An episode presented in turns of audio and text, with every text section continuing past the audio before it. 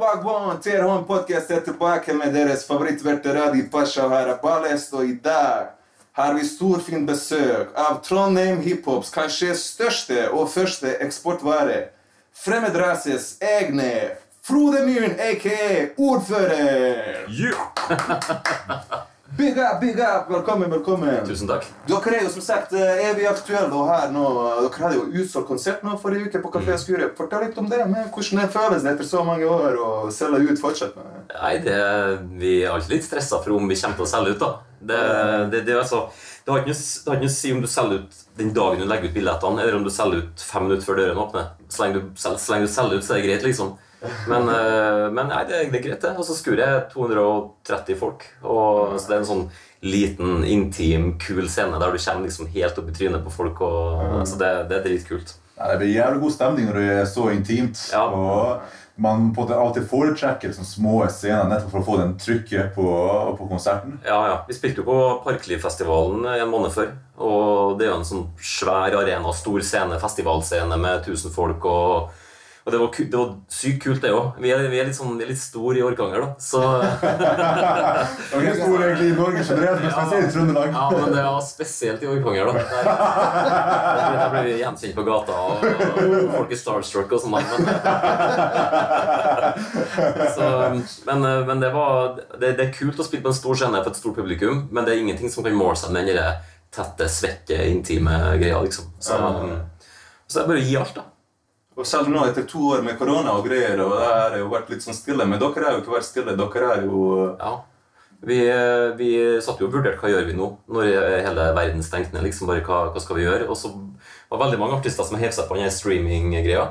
Og da, var, da sa jeg bare, bare glem det.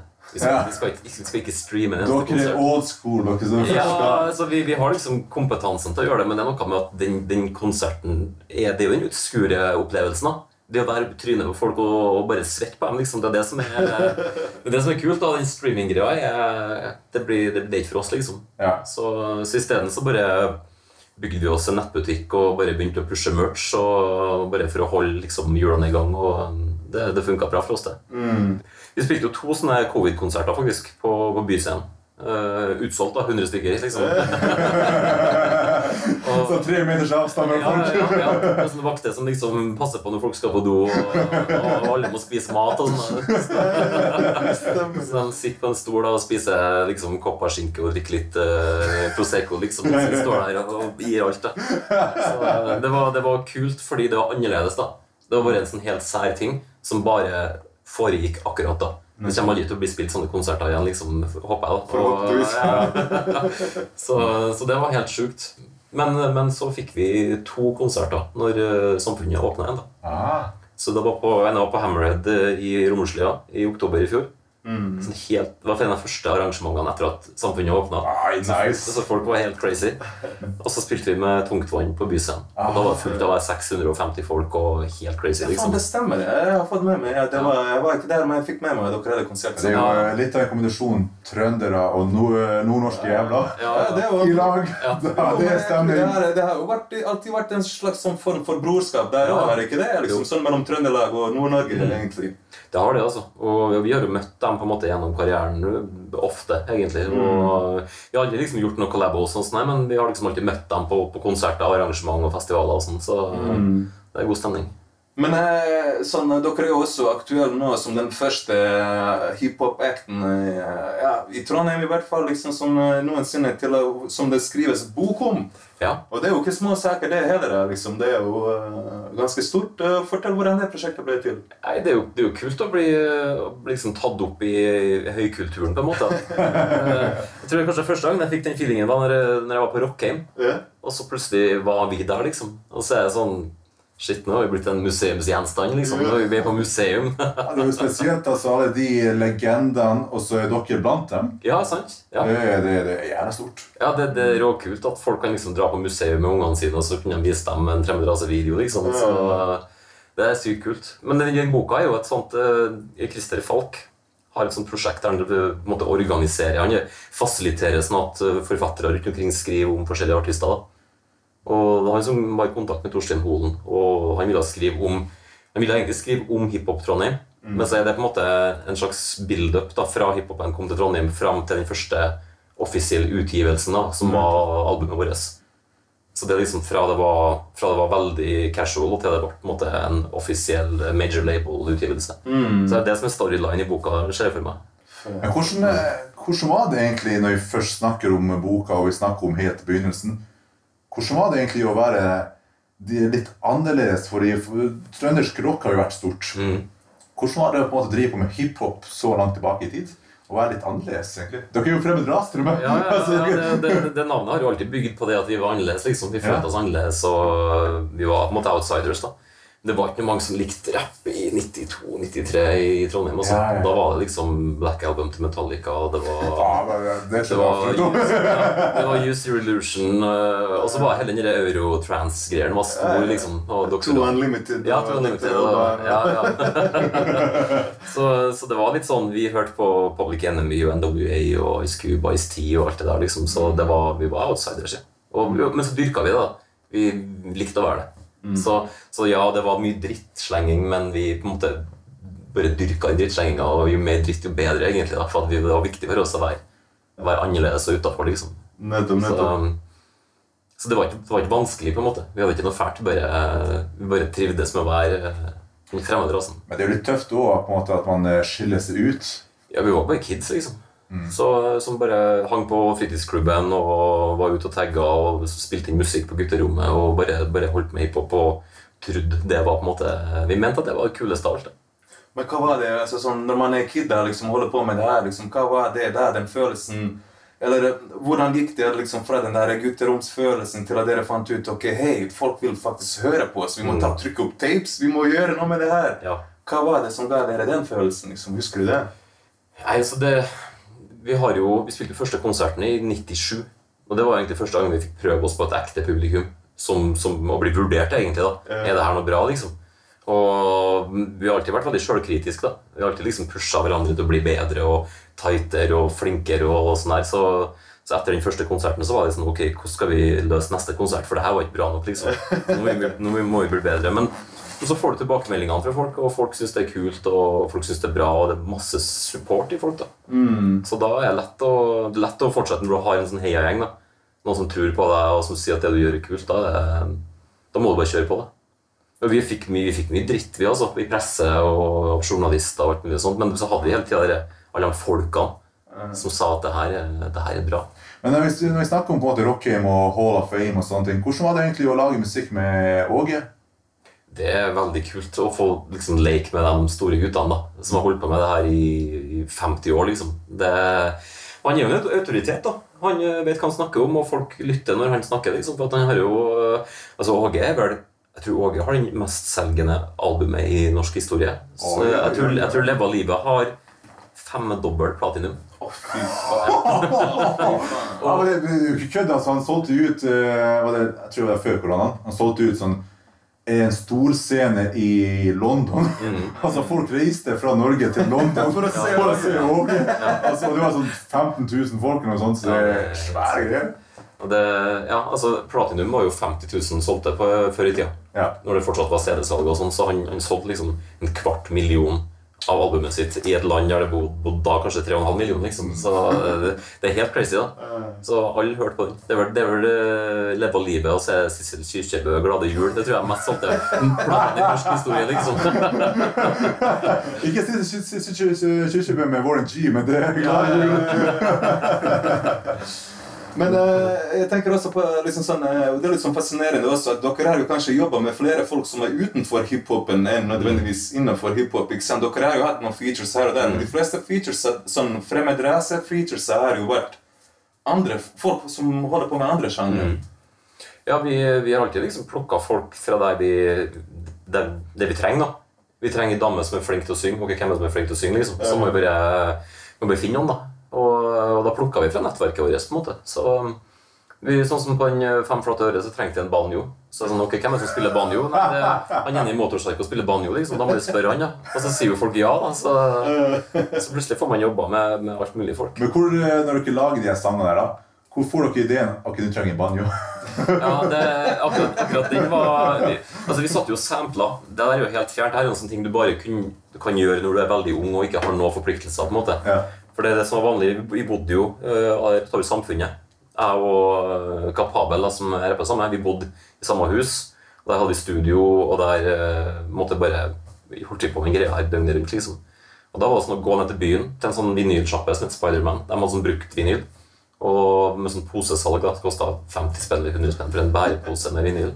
Så kjøpte to sånne, og så bare bære med seg hjem. Og så sitte hele natta da, og høre gjennom og sample. da, Og ta opp samples fra gammel vinyl og legge det på min disk og sånn. liksom, Så det er sånn, det er sånn som man satt og kosa seg med, liksom. Så, det, så da har du sample, da har du liksom sample-arkivet ditt da, som du kan bygge beats rundt. Men så kan du ikke bruke samplesen, da, for det er jo det ikke lov. Så da må Ja, du det copyright, så. ja, så Hvis du har en, funnet en kul basslinje med kontrabass, så kan du bruke samplet til å begynne med, men så må du finne han fyren som spiller kontrabass, til å liksom uh, jamme. og ja.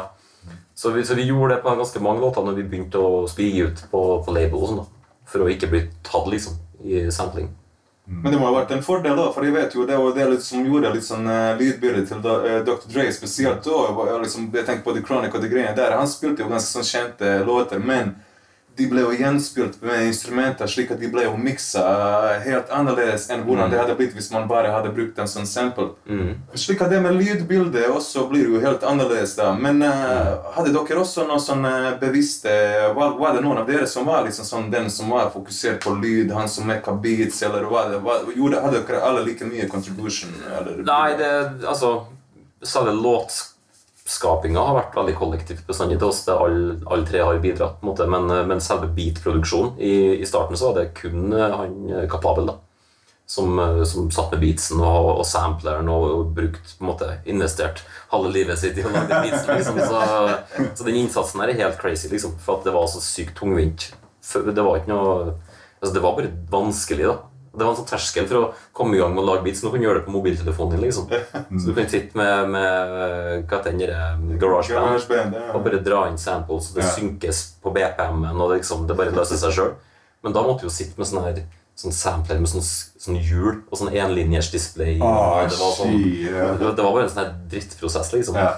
Så du måtte sitte kanskje i fire timer med å liksom legge samplene inn i sampleren før du kan begynne å leke med dem og lage musikk med dem. Liksom. Så, så den terskelen tror jeg gjorde at det var, det var ikke alle som gidda det. Liksom. Du måtte være litt sånn datanerd for å Mm. gidde å lage musikk. da.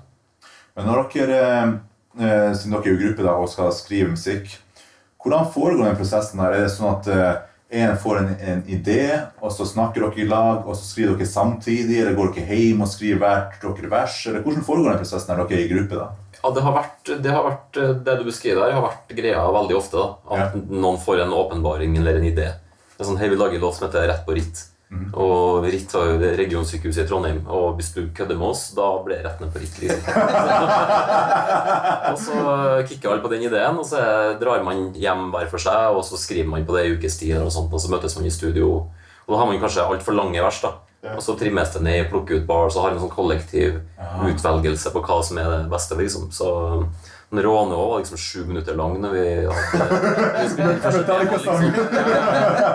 Og da er det sånn, ok, kanskje den, den delen skal være refrenget, kanskje det skal være et mellomspill, kanskje det verset skal komme først, men kutter vi starten og litt på slutten, og så bare blir det sånn puslespill det. Ja. Så det er ofte sånn det funker. Men, men vi har også kjørt en sånn cabin-greie, da. Der vi, når vi spilte inn den eh, Nå snakker vi EP-en. Da bare dro vi på, på hytta, liksom. Det er barndomshjemmet til mormora mi Ok, eh, i, i Meråker.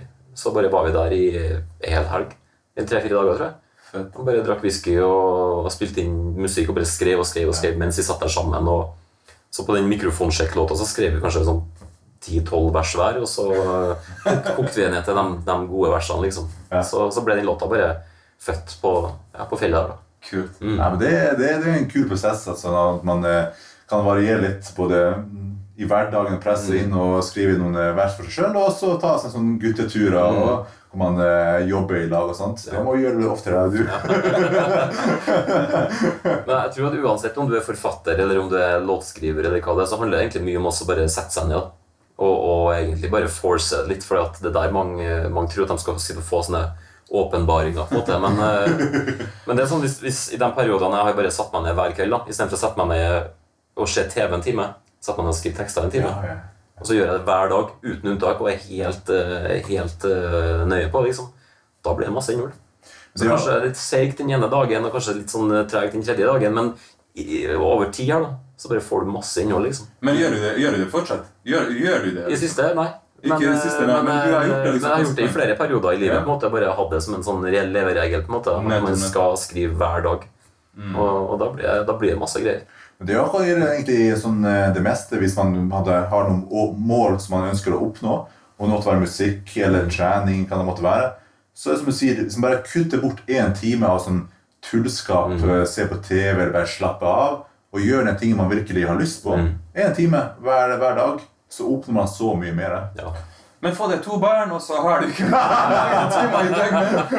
Sånn er det, vet du. Så det skal jeg faen love deg. vet du. Det er litt sånn enklere eh, når de blir litt eldre der. Men eh, du nevnte jo eh, Råne i sted, vet du. Og det er jo sånn eh, Råne er jo kanskje den mest eh, kjente låta deres. eh, Men hva er din favorittlåt? Hva er det den låta som du syns er fetest? Ja, det, jo- det er jo et spørsmål man ikke vil få. da. Og det, kan, og det kan jo være litt sånn forskjellig. Det kan på en måte være hva syns du er den eh, kuleste teksten, det kan være hva du, du syns er den kuleste ja, Men det første som opp i hodet Eller popper, ja. Ja, sant. Ja. Nei, jeg, jeg liker jo den som heter Tilbake. Eh, Den syns jeg er kul. Og eh, den er ganske ny. Den er fra 2017. Ja. Men eh, jeg vet jo at alle sammen digger 2003-låtene mest. Det er liksom den, dem som står som classics. på en måte. Men, eh, men eh, jeg liker det nye. Og jeg liker det der når vi har på en måte tatt oss friheten til å bare leke med, med teksten og bare skrive noe man kan se tilbake på at det her er, det her er bra greier. liksom. Det, det har jo vært litt sånn leveregelen for oss bestandig at vi, vi vil lage musikk som vi syns er bra. Og når du hører på deg sjøl som 40-åring, da, så hører du på den, den 20 år gamle versjonen av deg sjøl. Det er ikke sikkert du syns det er så bra. Men, eh, mens det som er nyere, er på en måte Jeg syns det er mer velskrevet. Ja. Og, og på en måte, liker at vi har måte, turt å leke oss litt. Ja. Det er ikke mye press lenger. da. Vi har ikke noe press i det hele tatt. Vi har ikke noe hit som skal følges opp. Vi har ikke noe, det er ikke noe sånn at vi må liksom fort også få ut noen ting. Det er ikke rush med noe som helst. Nå kan du bare sitte og skrive og bare finpusse og kose deg med det. Ah. Mens i 2003 når du skal lage album, da var det sånn Shit, nå skal vi gi ut debutalbum, og det, det, det må være det beste albumet som er gitt ut, liksom. Ah. Så ja. Noe som er sånn eh, ganske dagsaktuelt. Carpe Diem har du nylig sagt at de på en måte er litt sånn flau over sine gamle sanger. eller sånne ting, Men de på en måte skal ikke skifte om på de tekstene sine. Hva tenker dere rundt sånne ting? Eh, Er det Syns dere man bør endre på gamle tekster, eller syns dere eh, man skal beholde dem? Nei, dem, altså, tekstene er nå en del av kulturhistorien, og de står nå sånn som de står, tenker jeg. da. Det, det er ikke grunn til å gå tilbake og endre på noen ting. Det, altså, Råne hadde aldri kunne blitt utgitt i dag. Det tror jeg. Det tror jeg. Så det er egentlig litt sært at den kunne bli utgitt i 2003 òg, men, men det er 20 år, det, det, eh, ja, det er 20 år siden. Så, så den, den Men det er, altså, det er satire. Det er, det er et viktig poeng da, at vi kødder med rånerne her. Vi slenger dritt om dem. Men vi hadde ikke forutsett at rånerne skulle på en måte ta den låta her som, Det som nasjonalsangen. Ja, Ja. sant, ja. Vi hadde ikke forventa det i det hele tatt. Dere lager ikke låter, dere lager hymner, men Ja, ja, ja. Så, så, men, men vi må stå for den. den. For budskapet er jo på en måte Det er jo ikke et dårlig budskap i den. Det er jo på en måte en eh, bevisstgjøring rundt en, en kultur da, som, som eksisterer i Norge den dag i dag. Og utafor XXL Batiller så står hele den skåden der fortsatt. Liksom. Så, så det, her, det her er ikke et bygdefenomen eller et fenomen fra gamle dager. Det her er, det her er straight up virkeligheten i dag. liksom. Så jeg tror ikke kulturen har endra seg så mye der. Men når jeg hører musikken deres, så, så tenker jeg det er veldig mye humor i, i musikken deres. Var det et bevisst valg rundt det der, eller var det bare sånn at det var det dere kicka på når dere skrev de rimene sammen? Jeg tror vi alltid har vært opptatt av at ting skal være eh, altså, lett da, og humoristisk. Det skal være musikk du kan, du kan slappe av til. Og vi har aldri måte, kjørt noe sånn harde budskap. På en måte. Det, det er en del moral og etikk inni de tekstene òg, du, du finner det, men det er ofte pakka inn i en mer sånn hverdagslig og humoristisk setting. sånn at eh, vi, vi, skal, vi har aldri vært opptatt av å preache og, fortelle folk hvilke valg de skal ta. Men vi kan lage låt om eh, folk som eh, drar kredittkort eh, hele tida, f.eks. Og så kan folk som hører den, velge om de kjenner seg igjen i det eller ikke. Så, Så det, men humor er jo et fint virkemiddel. Det, det gjør ting lett og, og morsomt. Det, da vil folk høre det. Det er, Norge er veldig sånn kultur for humoristisk musikk. Det, det har på en måte en, en lang tradisjon. Men det er aldri gått inn for å lage humormusikk. Det har aldri vært en issue. Vi skal ikke, måte, vi skal ikke være komikere. Det er ikke eh, ja. Det er jo en eh, kunst i seg sjøl òg, det å lage, som vi om i sted, lage på en måte en anthem for rånerne. Selv om det var egentlig mer en satire. Mm. sånn at det er den kunsten å balansere på det, hva er humoristisk, og hva på en måte er ekte. Mm. Det er faktisk veldig godt gjort. ja, sant. Ja. Jo, men det er jo det som Alexander, Hvis du ser tilbake på sånne rappere som Easy E, for eksempel, det som gjorde han også litt sånn uh, tilgjengelig for folk flest, var jo den humoren han brukte. ikke sant? Sånn nuts on your chin og ba, ba, ba, det ene eller andre, liksom, ikke sant? Det var jo Easy E. Hvis du ser de tidlige låtene til NWA, de hadde jo alltid de her ikke sant? Just Don't Bite, bite It og Fat Girl og de greiene der. De hadde de brukte, og det var liksom der West Coast uh, influence-greier. var jo, hadde jo også mye humor i det. mm. For det var mye storytelling. Og det merker jeg jo også i låtene deres. Så er det faktisk ganske mye sånn storytelling. ja, ja. Og det er jo, er det, er det, er det en sånn eh, West Coast-influence, eller er det en slags sånn uh, Ja, jeg tror det. Vi, vi har jo hørt altså bare Easy med altså Neighborhood Sniper yeah. og, og alt av Slick Rick, og vi har liksom hørt på storytelling hele tida. Og, og det er kult å, å kunne For det er en utfordring i det òg, å fortelle en historie, og så skal det flowe, det skal være bra, og så skal det på en måte rime, og det skal, være det skal gi mening. Og så en av de første låtene vi laga, var jo den her eh, horisontal fortellerkunst, Ja. som varer i seks minutter eller noe sånt. og det er jo den, den samme festen uh, fortalt fra tre ulike perspektiv. Ah, kul Så, konsept. ja, sant? Så, så når du hører, hvis du hører nøye på den teksten, så hører du at det her foregår samme sted, samme kveld, men så er det tre forskjellige personer som forteller sin historie. liksom, så... Det er kreativt gjort. Ja, sant? Så det, det, det er sånn som vi var, hadde hangups på. da, Ja. Å lage denne historien, på en måte. Nice. Mm. Men når vi snakker om gamle legender og sånt, hva vil du si er egentlig Mount Rushmore av hiphop? Din Mount Rushmore. Ja. Jeg bruker å stille gjester ofte i forhold til sport, men du er det hiphop. Hva vil du Ja, si? ja. er- Nei, altså Jeg hører jo på de samme artistene eh, når det kommer til rap. Da, da har jeg jo et par spillelister som jeg alltid går tilbake til, som jeg, alltid, som jeg kan sette på når som helst. Og, eh, der har du annet Farside. De er jeg veldig glad i. Og eh, du har Beatnuts.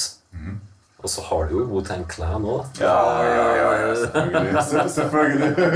Hvis du putter hele Wu-Tang Clan på Rushmore, ja. da vinner du ganske fort. Liksom. Bare små ansikt på en. Hvem er favoritten fra Wu-Tang, by the way? Ah, Jizza, kanskje? Ok, Ja, såpass. Jeg, tror, altså, jeg, tror, jeg er ikke noen sånn Boteng-ekspert. da. Det er veldig mye Jeg har liksom kontroll på de første fem årene, men etter det så har jeg ikke hørt på dem i hele tatt.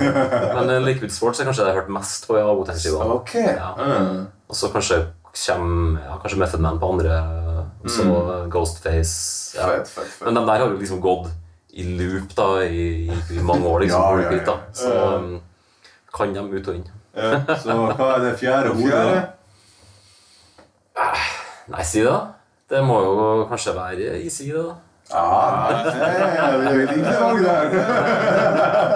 Du måtte tvinge gjestene til å si et valg. Så hvis det er basketspørsmål, sier du Michael Jordan.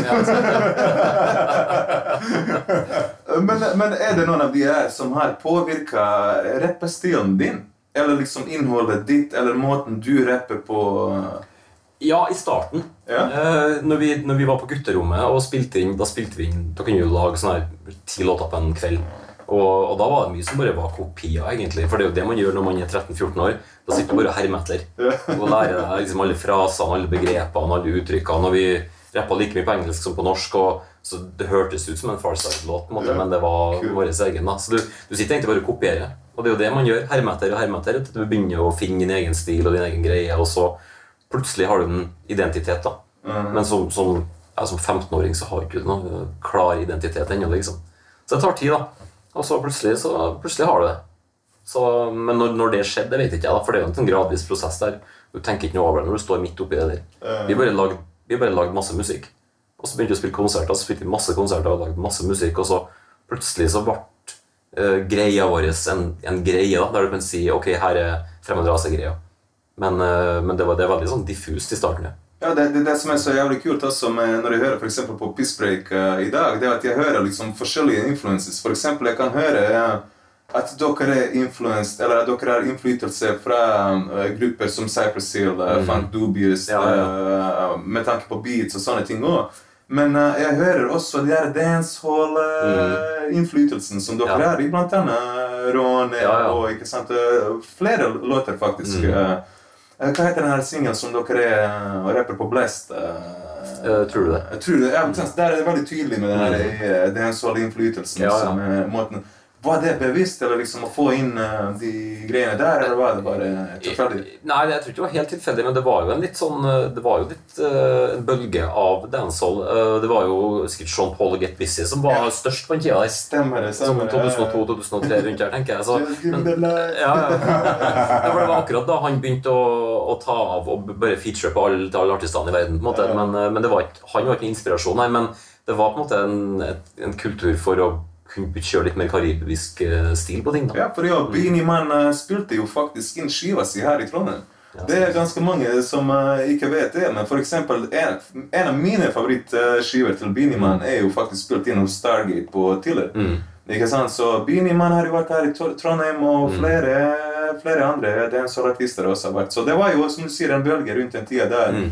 Eh, Mr. Vegas, uh, Bounty Killer, Mm. ikke sant? Så det var jo eh, Jeg husker det, og Shabba Ranks ble jo Og ikke minst den der åh, det, det, det var noen sånne låter som bare gikk om igjen. Akkurat ja. samme som Jump Around Mm. med House of Pain Ja, og. Cypress Hill med Insane in the Brain. Det var det også noen sånne dancehall-låter som bare gikk om og om. Og de, de artistene hører igjen på, på Mount Rushmore. Altså Cypress Hill, House of Pain og uh, det hele den der miljøet rundt der. Vi bruker jo masse av beatsen deres på konserter. At vi kjører sånne, at uh, vi bare flipper beaten midt i sangen, f.eks. At vi, det går rett fra vår egen beat, og så skifter den plutselig til Who's the Man eller til, til ja, How I Could Just Kill a Man. og sånne ting. Det, det, ja, det er dritkult. Og jeg tror det er kulest for oss. Jeg vet ikke om publikum tenker sånn, men, eh, men vi syns det er kult. Og det er jo da liksom, det hele poenget. da, At vi skal synes det er kult. Men traff du han eh, DJ Mads når han var her i Trondheim? Ja, jeg intervjuer han. Å, så fett! Jeg har et intervju hjemme, så jeg tror ikke jeg publiserte noen gang, for det her var litt sånn før YouTube, eh, tror jeg. Dere har en podkast med en egen spesial! Ordfører som intervjuer DJ Max. Men eh, når vi snakker jo, vi har jo snakka mye om gamle legender og sånt. Blir du noe særlig inspirert av dagens eh, hiphop og sånt? Altså, ikke, kanskje ikke eh, inspirert direkte, men jeg hører jo ting i den nye hiphopen som jeg syns er kult òg. Og eh, sånn, altså måten, måten stemmen til Lil Nas X er miksa på, Aha. helt crazy. Måten stemmen hans bærer på, en måte, er, Ah, ok. der er det, og det om det er hans om det er genetisk, eller om det er lydmannen som har gjort det, måte, det vet ikke jeg. da. Men, eh, men hør, på, hør på vokalen på de tracksene Liksom. Det er, så jeg syns ikke musikken hans er dritkul, men jeg hører kvaliteter i det som er sånn her Oh, shit. Ja. Hvordan har de fått til det her, liksom? Så, så man, men man blir jo på en måte eksponert for, for masse forskjellig ny musikk Ja. hele tida. Og det er liksom ingen artister moderne rappartister som jeg kommer til å Det blir en sånn nostalgisk greie. Ja. Vanskelig for en, for en 40-åring å begynne å like den musikken som 20-åringene skal like. liksom. Det er deres, da.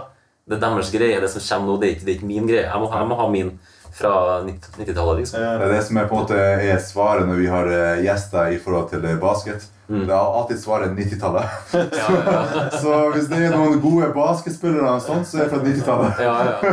Ikke noe dagens. Nei, altså, nei, altså det, det er jo jeg, har, er ingen, jeg kan ingenting om sport. da Jeg har ingen anelse hvem, hvem som spiller på, på Rosenborg, eller hvem hva treneren heter. Ikke si det, høyt! Men, men, men, men hvis du spør meg om den her 1988-stallen til Rosenborg, den kan vi snakke om. Ja, ja, ja, ja, ja, ja. Eller vi kan snakke om Mexico 86. Ja, ja, men da er det Italia 90, akseptert. Så det, det, det er liksom Alt sånt fester seg når du er, når du er en viss alder, og så på en måte utvikler interessene seg på forskjellige måter. da Sant, sant. Og vi bare sklei fort ut av idretten og inn i stedet, liksom. Men jeg må spørre deg en ting. Hvem er din favoritt? Eller hvem syns du er bedre rapper? Kapabel eller APK? Oh, juicy stuff! Altså, Kapabel har jo vært liksom rockestjerna i fremmed rase fra gammelt av. da okay. eh, Som har fått Han har, vært, han har featura på mest låter med andre og har vært den som har vært mest ettertrakta. måte Men, eh, men Apekatt har jo de mest komplekse tekstene. Men han, Han er jo sånn som roter seg bort i sin egen tekst med at det skal være så intrikat og komplekst. Og, og det er litt sånn beundringsverdig måten han bygger tekster på. Og lager seg regler for hvordan teksten skal fungere. og, sånn her. Så um, det er vanskelig å si hvem som er best, da, for det er to helt forskjellige måter å gå fram på. en måte. da. Ja. Mens én kjører på en måte straighte bars og punchlines og holder enkelt, mens den andre bare går helt motsatt retning. Så, så det er liksom den der, men det har vært styrken vår bestandig, er jo den, der, den miksen. da. Vi er tre forskjellige rappere. Vi er ikke tre rappere som høres likedan ut. Så det Ja, det Ja, det- Fy faen, hvor flink han er til å svare. Ja, nei, nei, Fy faen, hvor flink han er til å svare! Men jeg vet, vi aksepterer det. Vi Ja, aksepterer det. jeg skal ikke spørre mer, men fy faen, han greide å, å, svare for alle de eh, Ja, han lagde reklame til og med for hvordan alle har sine Ja, superpowers. det, det er egenskap. Er Ikke rart vi holder på i 25 år. Det er sånn.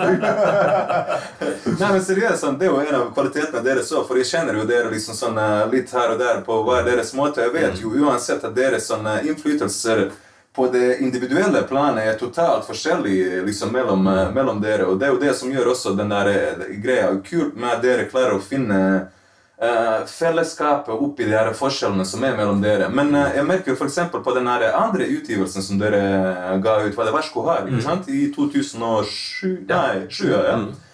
Mm. Der var det jo Lydbildet var jo helt annerledes. Der eksperimenterte dere kjempemye Ja. med, med forskjellige Og det var jo, du kunne høre innflytelser fra jeg vet ikke, man kan si kanskje Neptunes og Ja, ja, det var jo det midt ene og det andre. Mye eksperiment, Ja. eksperimentielt, i hvert fall. Det var jo midt inni Timbaland, Miss Ja. Eh, Neptunes Det var mye sånt som foregikk på den tida der, liksom. Så Det var mine russedager, så jeg husker det godt.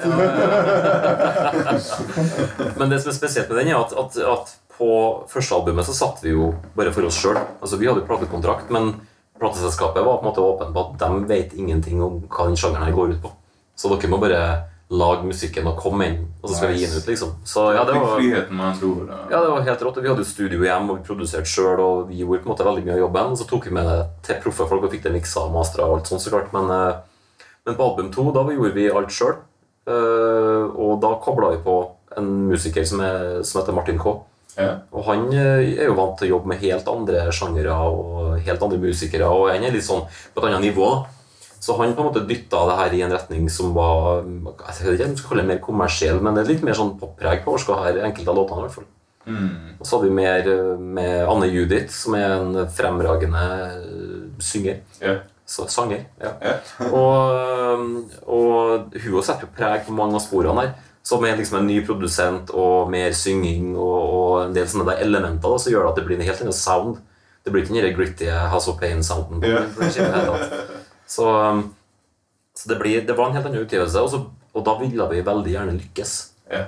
Det var kanskje den, den eh, Dere skulle ta liksom steget opp fra Ja. Peace Break, for dere fikk jo oppmerksomhet for Peace Break. Og Masse. dere hadde jo, altså Når det gjaldt Trondheim, så hadde dere Trondheim i, i hånda, ikke sant? Og det ja. og... Og da spilte vi hele tida. Vi spilte liksom hver eneste helg en periode etter Pissbreak. Og hver fredag, hver lørdag. Og vi spilte ofte sånn to konserter samme dag. også nå. At det var for under 18 og over 18. Så det var bare sånn her det er helt crazy kjør, liksom. Og um, når vi kom med album to, så var det sånn, ok, nå skal vi toppe det her. Nå skal vi liksom gjøre det enda bedre. Men da må vi, da må vi tenke litt kommersielt kanskje da, og se hvordan skal vi lage noe som eh, Så det bare, det bare fucka med hodet vårt og dytta oss i en retning som vi bare innså etterpå at nei, det er jo ikke her vi egentlig vil. Vi vil jo tilbake til, til pisspreik-sounden, og det var det vi på en måte gjorde med den Nå snakker vi-utgivelsen òg. Bare ta det tilbake, bare gi litt faen. Bare lage noe som vi syns er kult. og, og sånn her. Så, så Varsko her er litt sånn Jeg, jeg liker den, ja. Jeg liker mange av tracksene på den, men eh, den er den, den litt sånn rar baby, på en måte. ja. Jeg skjønner, jeg skjønner Ja, men jeg syns det er veldig interessant å høre når, eh, når du prater om den prosessen der. Eh, Ei bok som jeg vil anbefale, eh, uansett om du er musikkinteressert eller ikke, det er med eh, Red Hot Chili Peppers Guide. mener. Han, Ja. eh, Scar Tissue. Han er Anthony Kiddis. Ja, hans autobiografi. Mm. Jævla bra. Og Der forteller han nettopp om den prosessen som du prater om nå. Hvordan det er å jobbe med ulike produsenter, hva de ønsker, om det skal være mer kommersielt, eller om det skal være eh, andre sound osv. Og, så videre, og det, de, måte, de problemene som dukker opp når de skal samarbeide med de ulike produsentene. Så det, det synes jeg er veldig interessant hvordan det samarbeidet der eh, fungerer, eh, med hva dere som gruppe ønsker, og hva produsentene ønsker, hvor dere finner på til en mellomløsning. Men hvordan var det egentlig å, når dere eh, var konstant på ulike musikkanaler og sånt. Hvordan føltes det egentlig for, for dere når dere sto virkelig gjennom og var mye på TV og sånt? Det gjør jo noe med deg å, å få litt den stjernestatusen. da. Bli gjenkjent, og du er masse i aviser og masse på TV. og det, det er en sånn helt speisa greie. da. Så, um, men, men hvis man ser tilbake, det er ikke det, det du blir avhengig av. da. Det du blir avhengig av, er den konsertgreia.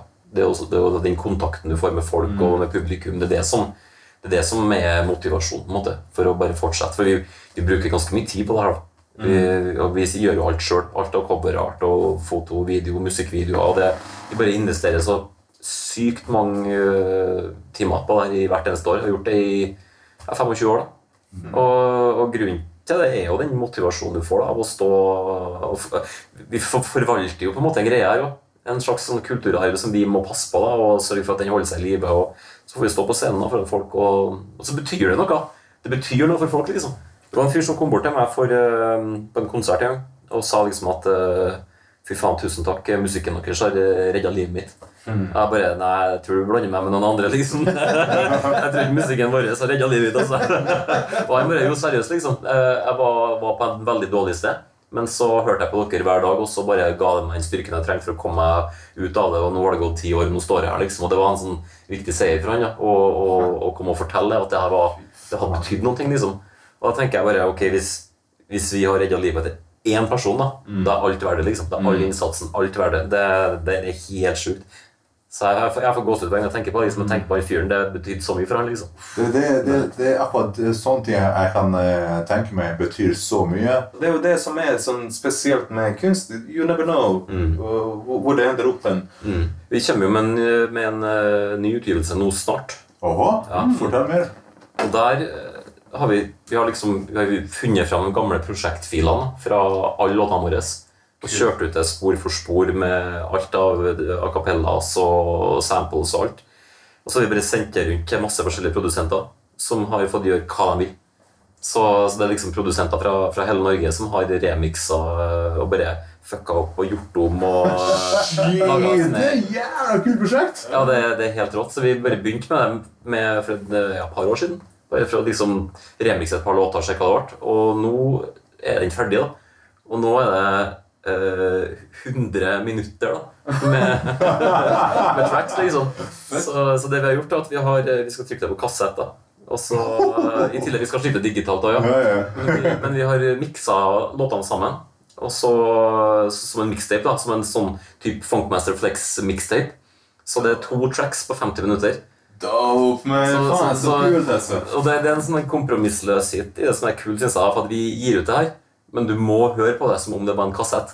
Du må høre hele side A, så må du høre hele side B, liksom. Nettopp. Så nettopp. det, og alle låt, låtene er miksa inn i hverandre. Og, så der er liksom det, det er alt ifra altså, eh, Oral B har remiksa kjørestil, liksom. Og eh, Kult. Loopholes med Marstini og gjengen der remiksa tre-fire låter. Og det er bare masse forskjellige folk som har eh, bidratt her. da Hvorfor har det ikke kommet mer solomateriale fra dere? Eller jeg kan spørre deg i hvert fall. Hvorfor har det aldri kommet en ordførende soloskive? Opptatt med andre ting. da Livet, liksom. Det, jeg har jo masse, har jo masse låter. Både beats og tekster og ferdige låter, egentlig, som noe er spilt inn. Ja. Men det bare har liksom ikke passa inn å begynne å prioritere å gi det ut. For vi har holdt på fremmede rasegreier. så det har liksom ikke vært plass til å putte inn noe annet der, egentlig. Og så har vi nå familie og jobb og andre ting, da. Så det, det tar tid, da. Vi er så jævla nøye. Det er det som er, utfordringa. Vi, liksom, vi bruker så mye tid. Sånn som perf perfeksjonister. ja, ja, ja, virkelig. Og når vi ga ut en kassett, vi ga ut en kassett i fjor òg.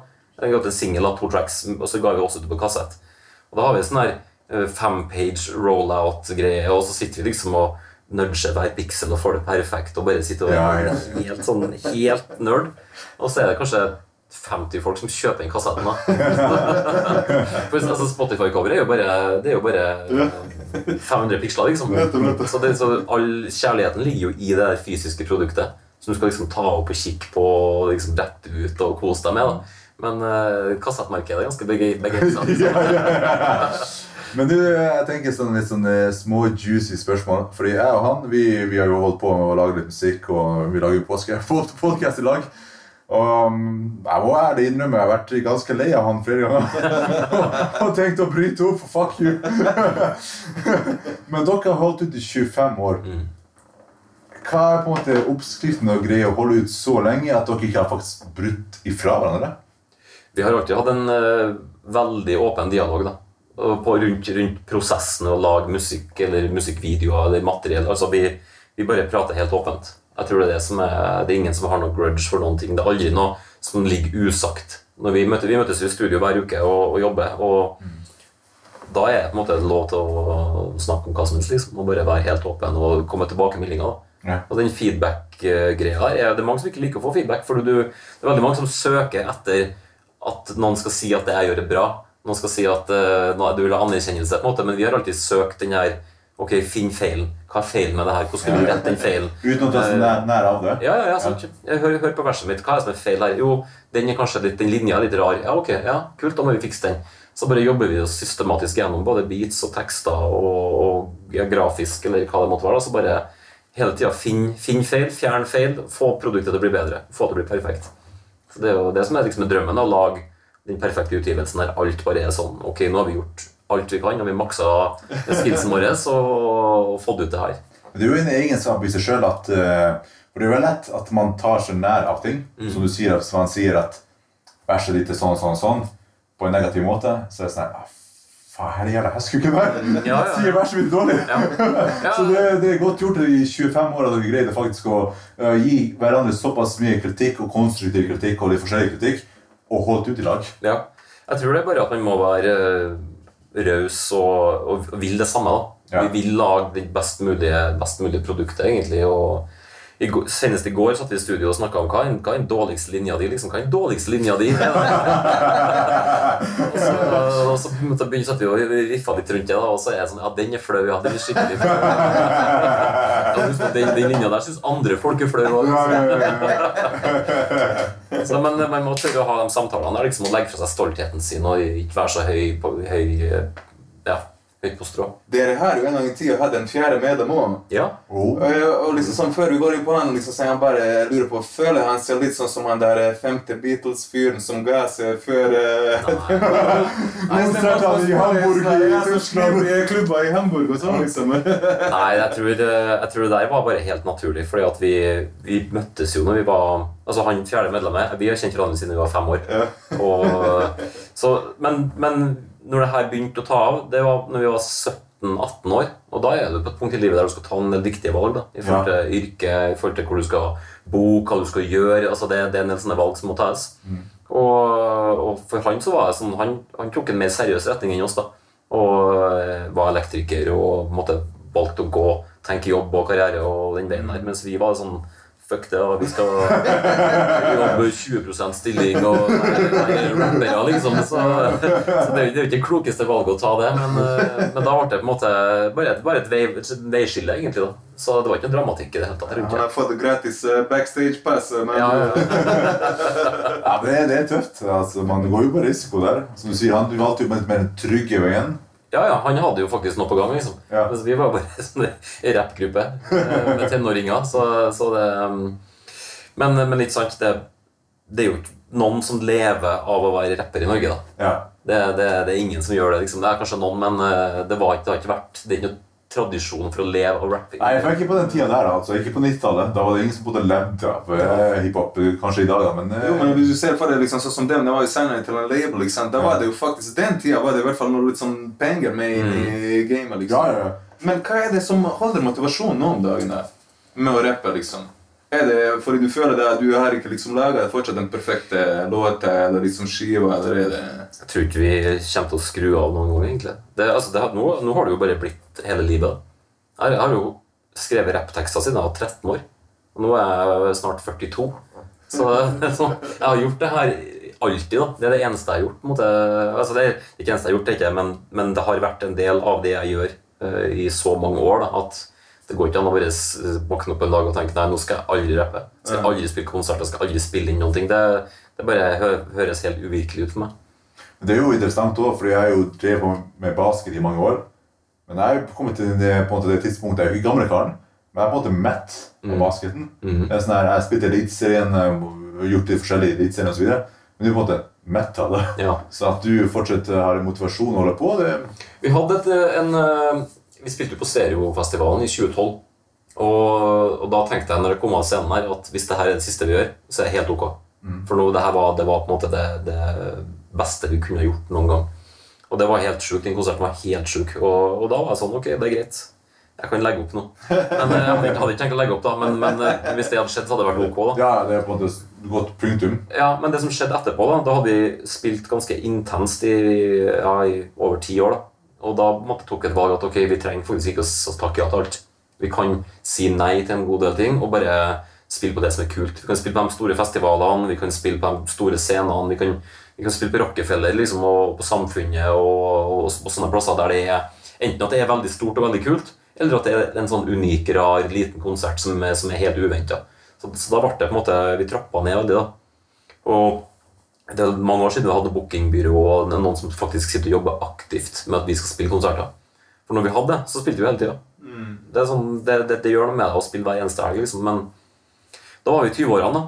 Kom hjem fra fylla hver helg med penger. Ikke sant? Så det ble blir party, så ja, eh, Ja, unnskyld. Bare fortsett. Nei, så, så, så de siste kanskje åtte-ti årene så har vi på en måte hatt et litt mer sånn Ok, vi, vi kan si nei òg. Vi har lov til å si nei til konsertforespørsler. Og da får du på en måte en eh, Da har du lyst til å bruke mer energi på hver konsert som kommer. Da, da er det ikke bare en sånn eh, Da er ikke bare en jobb du har. Da, da ligger det masse kjærlighet i det. liksom. Men på denne konserten på Stereofestivalen i 2012 så dro dere Var det ikke sånn at dere spilte hele Pisspreik-skiva? eller? Hva var den kuleste låta å spille live, bortsett fra de her obvious singlene? liksom? Som, altså En låt som kanskje dere har aldri spilt live før. Er det, Fins det en av de låtene? Ja, som- eh, det er jo spesielt den som heter I stand til. Den, har vi- den har ikke spilt noe mye. Og, og Rist på rumpa. Eh, Den er ganske kul, da, men, eh, den, er, den er ganske flau òg, liksom. Så. så, så det var kult. Men, men høydepunktet der er jo altså, Kanskje ikke Råne var høydepunktet på stereo, men, men eh, Pils og Pubs. Okay. Ja, for da kom, da kom eh, Gods ut på scenen, og så kom Kult. uh, Sørsia Gerilja ut på scenen, og så var vi liksom hele, hele gjengen. Og så en sånn stor finale. da Så ja, det var, det var helt sykt. Fett, fett. Men eh, liksom sånn, du, du nevner jo Rockefeller. Dere har jo spilt tre ganger på Rockefeller. har Ja. ikke det? Tre ganger på Rockefeller, eh, Rockefeller utallige bygdefester. Mm. Har du en eh, anekdote fra spillingen som skiller seg litt mer ut enn de andre? Altså, det er jo en sånn, det er jo en sånn blur, mye av det her. Da, Man er jo sånn i god, eh, god form. Nei, ja, men sånn, husker du egentlig forskjellen på samfunnshuset i Skogn og samfunnshuset på Inderøy? Det, det er sånn, og, ja, Sparbu det, Og to konserter på én dag. ja, ja. Så nei, jeg tror kanskje det er noe sprøeste jeg har vært på, var i Sparbu, faktisk. For da var det en fyr som skulle uh, sitte inn.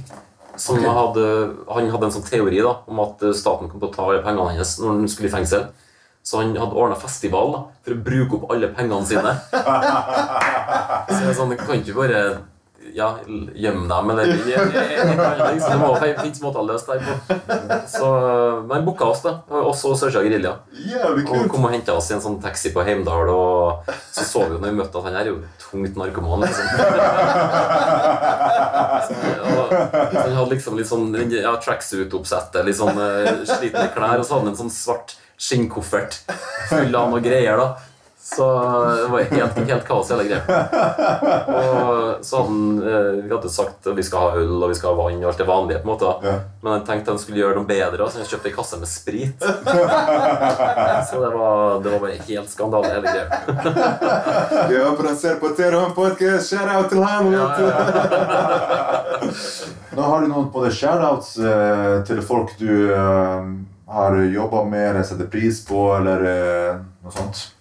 Du må jo ha folk som er, som er tolerante og, og måtte heie litt på deg hvis du skal holde med, med musikk på det nivået at du bruker sykt mye tid på noe. Som, det er ingen som blir millionærer her, liksom. Så Ja. man gjør det bare fordi at man brenner for det og har en passion for det. Og familien din og de folkene rundt deg må på en måte supporte deg. Ellers så blir det ekstra vanskelig. da. Det tenker jeg også, at Familien må være, virkelig være noen støttespillere når man driver på med hiphop i Norge. Ja, ja.